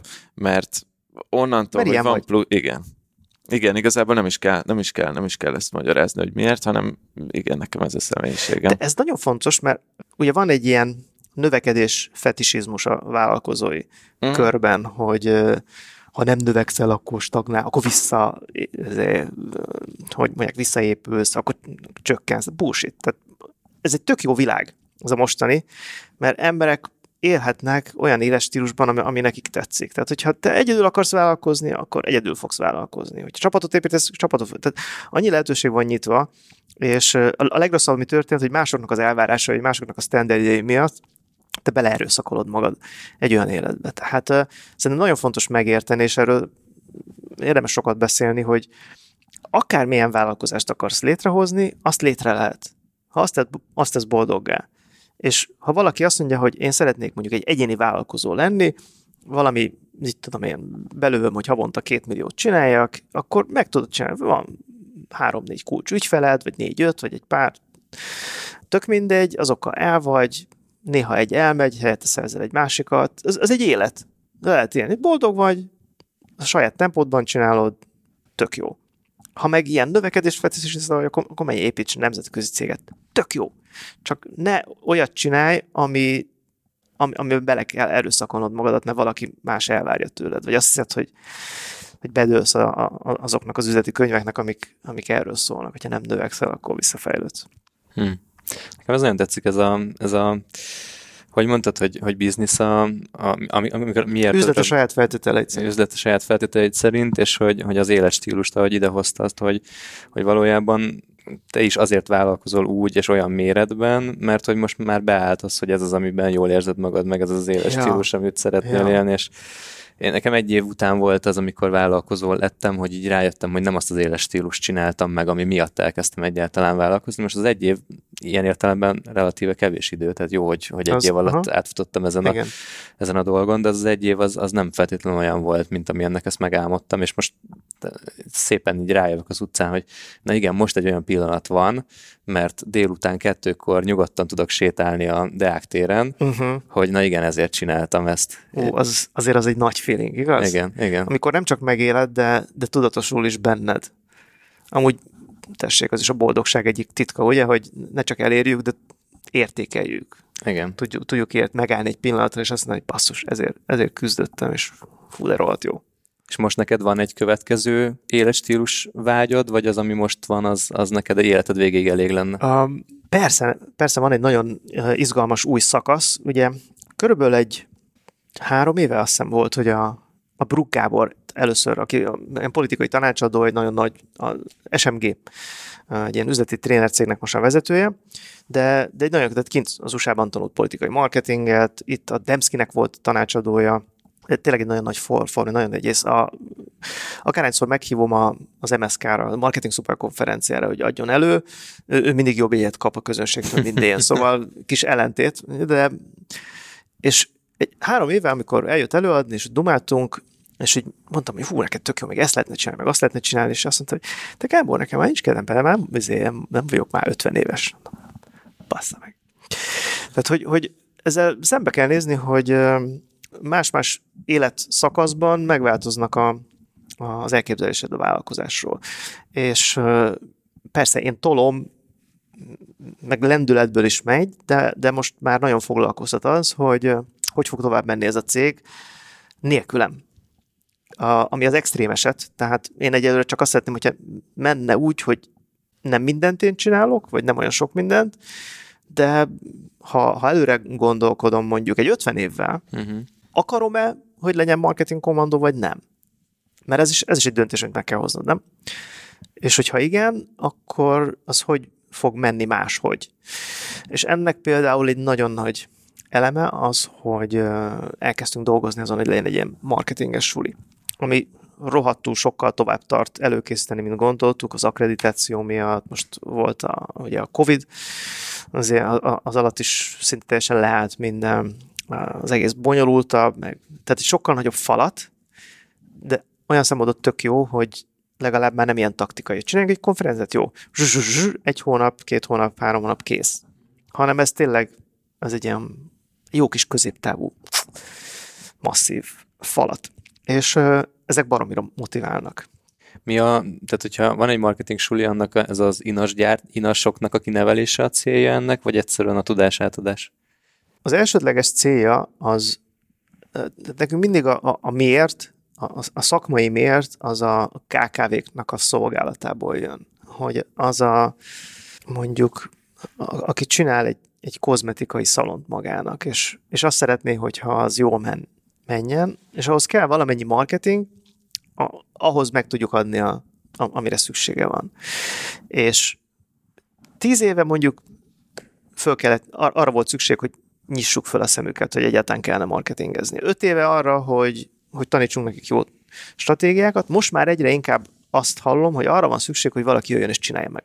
Mert annyira technikai lett az a sport, hogy tíz éve még egy vállalkozó összerakta a saját marketingét, még egy, még egy kozmetikus is, de most nem. Mert most már AdWords fiók, Google Ads fiókkezelés, Facebook hirdetési fiókkezelés, remarketing pixel elhelyezése, ugye a, a, a WordPress oldalatba beintegrálni a, a Simple-t, meg a számlász.hu-t, meg az Active Campaign, tehát ilyen és tehát most jön az, hogy figyeljétek meg, hogy ki fog nevelődni egy réteg olyan, olyan srácokból, akik mondjuk ilyen 25-30 évesek, megtanulják a marketinget, és el tudnak látni 3-4-5 céget. Mert egy kozmetikusnak nincs szüksége egy teljes állásban lévő marketingesre. Neki arra van szüksége, hogy hetente egyszer találkozom vele, átdumálják a dolgokat, és utána a, a, az illető meg posztol neki, szöveget ír, kiküld egy e-mail kampányt, simán el tud látni két-három-négy céget, attól függ, hogy mennyire rutinos. És, és hogy, hogy ki fog alakulni, lesz, lesznek ilyen marketingesek, és ezeket szeretnénk mi képezni. Mm. De ez amúgy már létezik is Amerikában, nem ott nagyon megy ez a szó, freelancer szó, szó, szó. Ott, ott is elindult, de például ott sincs hivatalos képzés. Aha. Az egyetemek teljesen más jellegű marketingeseket dobnak ja, piacra. persze. Szóval ott is. És nincs olyan képzés. Vannak marha jó képzések, mondjuk egy a, a Funnel Hack, Hackers, a Russell Brunsonnak a cége, ők, ők képeznek ki marketingeseket, de csak online funneleket csinálnak. Tehát kvázi ilyen mm, szakbarbárokat. Azt tök jól tudják csinálni, de hogyha egy ügyfélnek arra lenne szüksége, hogy szórólapozzam, vagy direct mailezzen, vagy mondjuk B2B, akkor ah, de mi az, nem értünk. És tehát kell, kell egy, ilyen, egy olyan réteg, akinek van egy általános műveltség, értenek mindenki. Hogy hívják? Ez a, ez a T. T-típusú marketing. Oké, okay, akkor tudjátok. Ilyenek, ilyenekre van szükség a piacnak. Oké, okay, tehát a, gyakorlatilag a, a, a következő nagy cél, hogy a, a marketing kommandót felkészíteni egy esetleges Wolf Gábor nélküli üzemmódra? Uh-huh. Abszolút. Pedig most nagyon rád van épülve azért ez a... Ja, ja, ja, azt nehéz lenne okay. elképzelni, hogy valaki más van ott a videókon. De hát majd ez meg lesz, tehát nekem el kell képzelnem ahhoz, hogy meg tudjam valósítani. Aha, aha. És ez ugye stratégiaváltással jár, meg, meg nekem egy nagyon jó játékomat, ez el kell engednem, hogy sokat és azért szeretnék játszani vele, ameddig lehet. Uh-huh. Posztolni, videózni, kiállni a konferenciákon. Egyet nem szeretnék. Szomszédunk volt sok évig, nem nevezem a nevén, de egy olyan tanácsadó, aki a 80-as években baromi sikeres volt. A személyiségfejlesztést tanított, egy ilyen nagyon konfrontatív módját alkalmazta, és imádta a nép. Nagyon vita tehát sok mindenben hasonlított, vitatott személyiség volt, ugyanez a személyes márkát építés, stb. Egyrészt marra lepukkant, mert nem volt mögötte cég, idős korára, másrészt bármilyen, bárhova elhívták, el kellett mennie. Tehát tudod, az a, amikor leszerepelt sztár vagy, és, és a, a, a legkisebb művházba is el kell menned énekelni, úgy támogatnak oda, a színpadon összeszedett, tehát ezt nem akarom és ahhoz, hogy ez ne történjen meg, azt azért már most elő kell készíteni. Most el kell kezdeni rajta gondolkodni. Uh-huh, uh-huh. Úgyhogy ez ti ezt ne, ne is értsétek, le kell szarni. Okay? Ti még növeljük a céget, építjük a brandet, stb. stb. De majd lesz egy olyan pillanat, amikor, amikor valaki azt mondja nektek, hogy nem érzed, hogy fáradsz? És akkor azt fogod mondani, hogy de, bizonyos dolgokban érzem. De most nem szabad, hogy érezd. Ugye? Pláne, hogyha ha jól választod meg. Ha jól választod meg, amivel foglalkozol, az rohadtul motivál. Ez amikor reggel alig tehát kiugrasz az ágyadból, mert szereted, amit csinálsz, meg szereted az életet, amit ezzel felépítesz. De ez, tehát sajnos nem végtelen az ember élete, meg nem végtelen az ember energia, tehát el kell számolni, hogy valószínűleg 90 éves koromban és akarok a színpadon ugrálni minden nap. Igen. Meg nem a Facebookról akarsz beszélni igen, a igen. Insta videókban. ti akartál valamit mondani. Igen, igen, hogy ö, azt hiszem erről már egy korábbi adásban beszéltünk a srácokkal, hogy elkezdtem, pont amiről te beszéltél, és így a húsz év alatt sok ilyen önfelismerésed volt, és új célokat tűztél ki ezek alapján a tudásod, tapasztalatod és az érzelmeid alapján, a boldogságod alapján. És hogy én is elkezdtem már ezt így magamba felismerni, és például van a, a, a fejlesztő cégben, én nagyon kevés óra számot rakok, és 11 fejlesztővel dolgozunk együtt külföldre, és, és hogy ott alapvetően az egy, az egy 7 éve jól, jól bejáratott ö, cég, és pont emiatt, hogy én ott elkezdtem idézőjelesen unatkozni, kezdtem el másfele is kacsingatni, de már itt is azt érzem, azt érzem, hogy, hogy főleg az elején magam köré épült ez az egész, magamra építettem, és most egy, mit tudom, egy, egy, egy éve jött az a felismerés, hogy én nem akarom magam köré építeni, ha én benne vagyok a, a folyamat, működjön nélkülem a folyamat, de én, én egy boost legyek, vagy, vagy Aha, tehát egyre kényelmesebbé kezdem én is formálni ezt az egészet magamnak, és ez egy, ez egy, ez egy felismerés volt, hogy, hogy basszus, miért, miért kell nekem hétfőtől vasárnapig mondjuk napi szinten foglalkozni ezzel, hogy hogy tudom magamat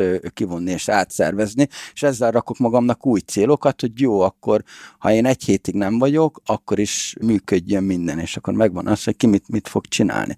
És ez az, amit, hogy, hogy mit tesz boldoggá. Ugye hát az én párkapcsolatomat aki így régóta hallgat minket, az szoktam ilyen sztorikat beemelni, nagyon megviselte a régen a hétfőtől vasárnapig, Aha. de ő meg megértette azt, a, a mennyasszonyom megértette pont azt, amit te, te mondtál, hogy, hogy fiatal vagyok, nyomni kell, most, most kell nyomni, és majd később foglalkozunk a többi részével. És ebben a work-life balance-ban én sem hiszek alapvetően, hogy fiatalon azért ezt így be lehet lőni.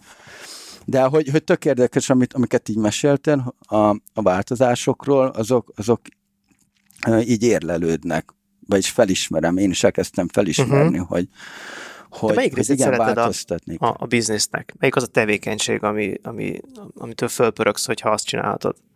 Én, én, én szerettek emberek között lenni, szerettek emberekkel beszélgetni. Az Tényleg? operatív dolgoktól, meg a, az ilyen számlázások, meg pénzügyek, meg én uh-huh. heróton van. Tehát én meglátok Aha. egy számlát, tök mindegy, hogy jövőbe jövő, én, én menekülök.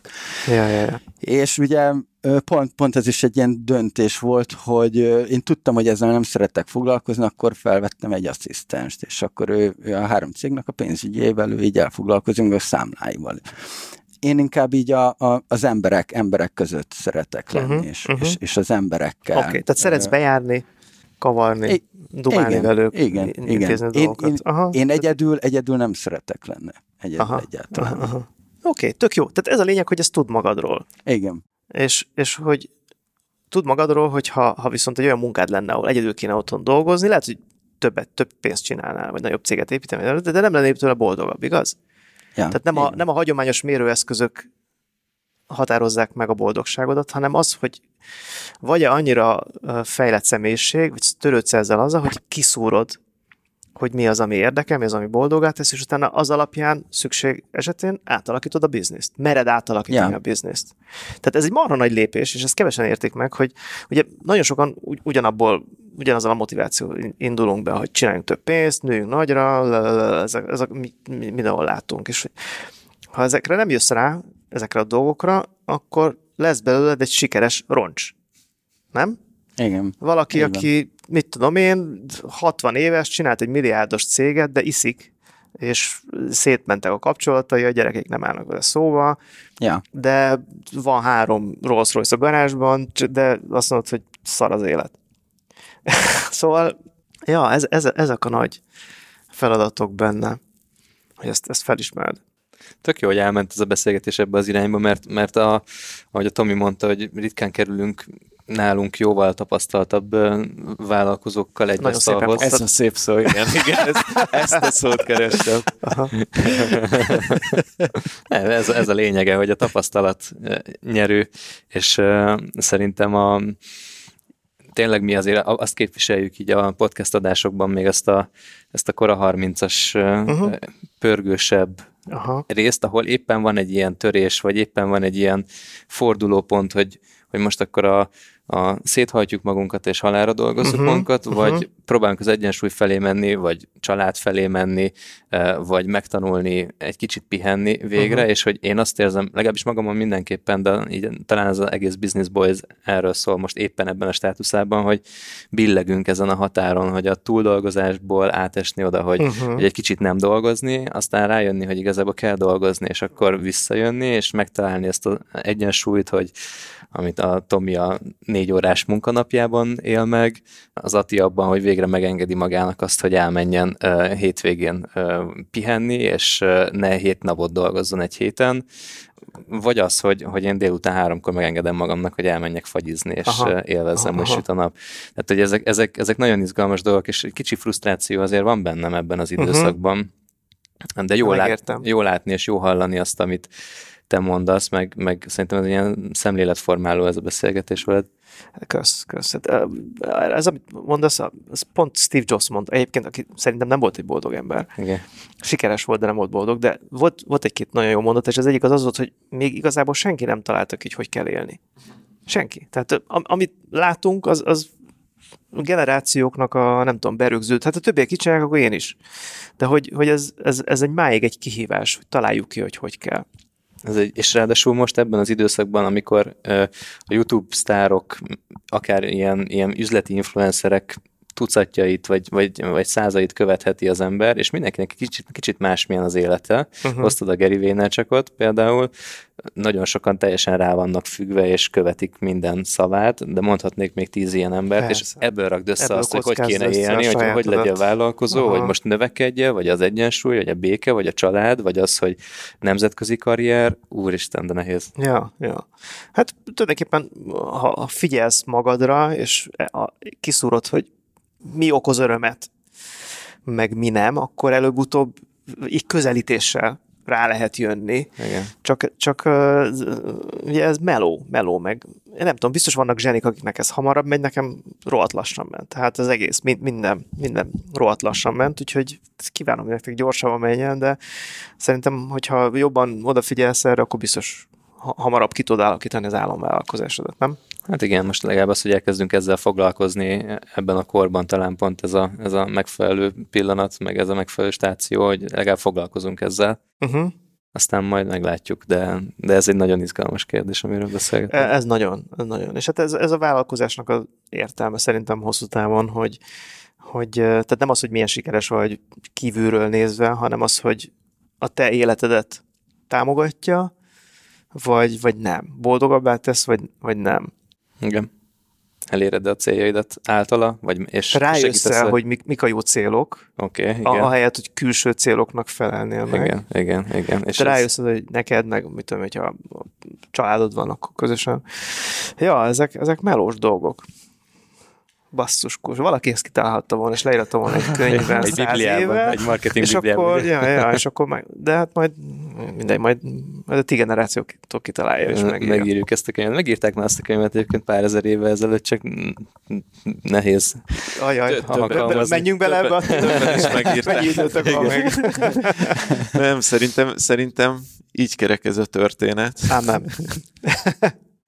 Oké, okay, és akkor egy kicsit így talán már az árás felé még tegyük keretbe a történetet azzal, hogy az adás elején a, a megosztó személyiségedről beszéltünk, amiről kiderült, hogy egy kicsit így a show elemnek is volt a része, meg egy talán egy régebbi stratégiának volt egy eleme, és mi a podcast zárcsoportunkba feltettük ezt a kérdést, hogy mit gondolnak rólad az emberek, így egészen egyszerűen mentünk, és, és nekem nagyon az, nagyon az jön ki, hogy, hogy nagyon nagyra értékelnek és tartanak téged a, a, a csoportunkban. Csak ilyen kulcsszavak, kulcsszavakat fogok felolvasni, vagy félmondatokat, hogy nagyon tisztelem, sok videójából tanultam, nagy koponya, jól, egy, jól adja el magát, teljesen hiteles, hiteles, az megint előjött. Sokáig úgy néztem rá, mint a mainstream marketinges, aki rengeteg emberhez elér, de valódi tudást nem ad. Majd valahogy, valahogy elkezdte követni, és rájött, hogy ez egyáltalán nem így van. És hogy a fizetős anyagot még nem próbált ki, de tervezi, hogy a go marketingre előfizet. Nekem a következő az tetszik, hogy meg most. a marketing fene jó gyereke. A magyar Seth Godin, Aries, Dan Kennedy a leghitelesebb, legszórakoztatóbb marketing guru. Wow. És akkor a kedvencem a Kovács Petitől, aki vendégünk volt. Petiről azt kell tudni, hogy viszonylag kevés haja van, és azt mondja, hogy én nagyon... szimpatikus? Azt mondja, hogy, hogy én nagyon sokat köszönhetek neki, mert sokszor összekevernek vele, körülbelül 20 méter távolságról nem tudod megmondani, melyikünk az. Ez nagyon jól jött a karrierem elején, mondja. Vállal fellépést? Olyan, hogy ő lesz a... a hát ki tudja az a, új a, a dublőröd? Expo már lehet elég messzire ültetni ahhoz, hogy ne tűnjön föl. És akkor a végén még van a Berza Marcitól, aki az underground ügynökséget uh-huh. csinálják, hogy tisztelem Megvan. Gábor munkásságát, hiteles a maga témájában, ezért is hívtuk meg az online-ra uh-huh. előadni. Szinte az összes hazai kezdő marketingesnek ő a belépési pontja, így a piac is sokan kösz- sokat köszönhet neki. Hát az, most egy kicsit... Meg pedig, pedig bevallom, hogy azért te, tettük ki ezt a kérdést, Valaki ez az én ötletem már. volt. Igen, hogy, hogy tudjunk rá hivatkozni az adásban, mert eredetileg egy ilyen nagyon Aha. kemény adást akartunk csinálni, és próbáltunk bekérni kemény kérdéseket, uh-huh, de, uh-huh. de annyira, so, annyira sok ilyen kritika nem jött hát, végül is, vagy legalábbis olyan nem, volna, hogyha a nem, nem célközönséget Valószínűleg. Kérdezitek. Igen. Tehát tudjátok, milyen gyűjteményem van? Akárhányszor bannolok valakit, csak egy screenshotot, csak hogy ha később visszajön, akkor legyen hivatkozási alapom. Ez párszor jól jött, de hát gyerekek, amiket írnak, szóval ja, ez is egy processz, amíg eljutsz odáig, hogy le tudod szarni, ami nem célközönség, de, de az, az, meg, az a baj, hogy ez nem releváns. Tehát ugye minden cégnek megvannak a, a maga gyűlölői, nem? Csak az tényleg nem célközönség, vagy legrosszabb esetben konkurens, vagy rossz indulatú. Hát azért volt jó. Mindenkit szeretnek. Nem, nem, nem is cél. Ezért volt jó szerintem az, hogy, hogy ezt, ezt tehát nekem tanulságos volt, hogy a mi közönségünk ezt mondja, mert én nem érzem azt, hogy ők alapvetően rajtad nevelkedtek volna, vagy a te tudásodból jutottak volna oda, ahova. Aztán egyébként lehet, hogy így van mégis, vagy talán ez most egy kicsit így felülírja ezt bennem, de minden esetre ezt jó hallani, úgyhogy valószínűleg akkor jó hallgatottság lesz ennek az adásunknak. Úgy legyen. Úgy legyen, ám, ámenke. Jól van. Jó van. Hát nagyon szépen köszönjük, Gábor. Egy megtiszteltetés volt, hogy eljöttél, és sokat, beszélgetést. sokat tágítottál a látásmódunkon. Én, bennem rengeteg kérdés maradt még, tehát így ilyen, egy csomó olyan üzleti dolog van még a fejemben, amit így egyszer majd megkérdezek tőled valahogy, uh-huh. lehet, hogy egy következő uh-huh. részben, hogyha tetszik az embereknek, meg te jól érezted magad. Um, Kedves hallgatók, köszönjük szépen, hogy velünk voltatok. Szokás szerint elmondok néhány közérdekű infót, például, hogy minden podcast csatornán hallgathattok. Van egy zárt Facebook csoportunk, a Business Boys Podcast csoport, ahova tudtok csatlakozni igen, van Instagramunk, van Facebookunk, úgyhogy minden csatornán tudtok követni minket. Mai adásnak ezzel vége, még egyszer köszönjük szépen Wolf Gábornak, hogy itt volt velünk, és itt volt még velünk Sándor Adrián, Virág Attila, én pedig Mester Tomi voltam. Sziasztok! Sziasztok! Sziasztok, és kösz, kösz az interjút, meg köszönöm mindenkinek, aki végighallgatta. Oké, okay, köszönöm Gábor, sziasztok, szavaztok! Hello, hello.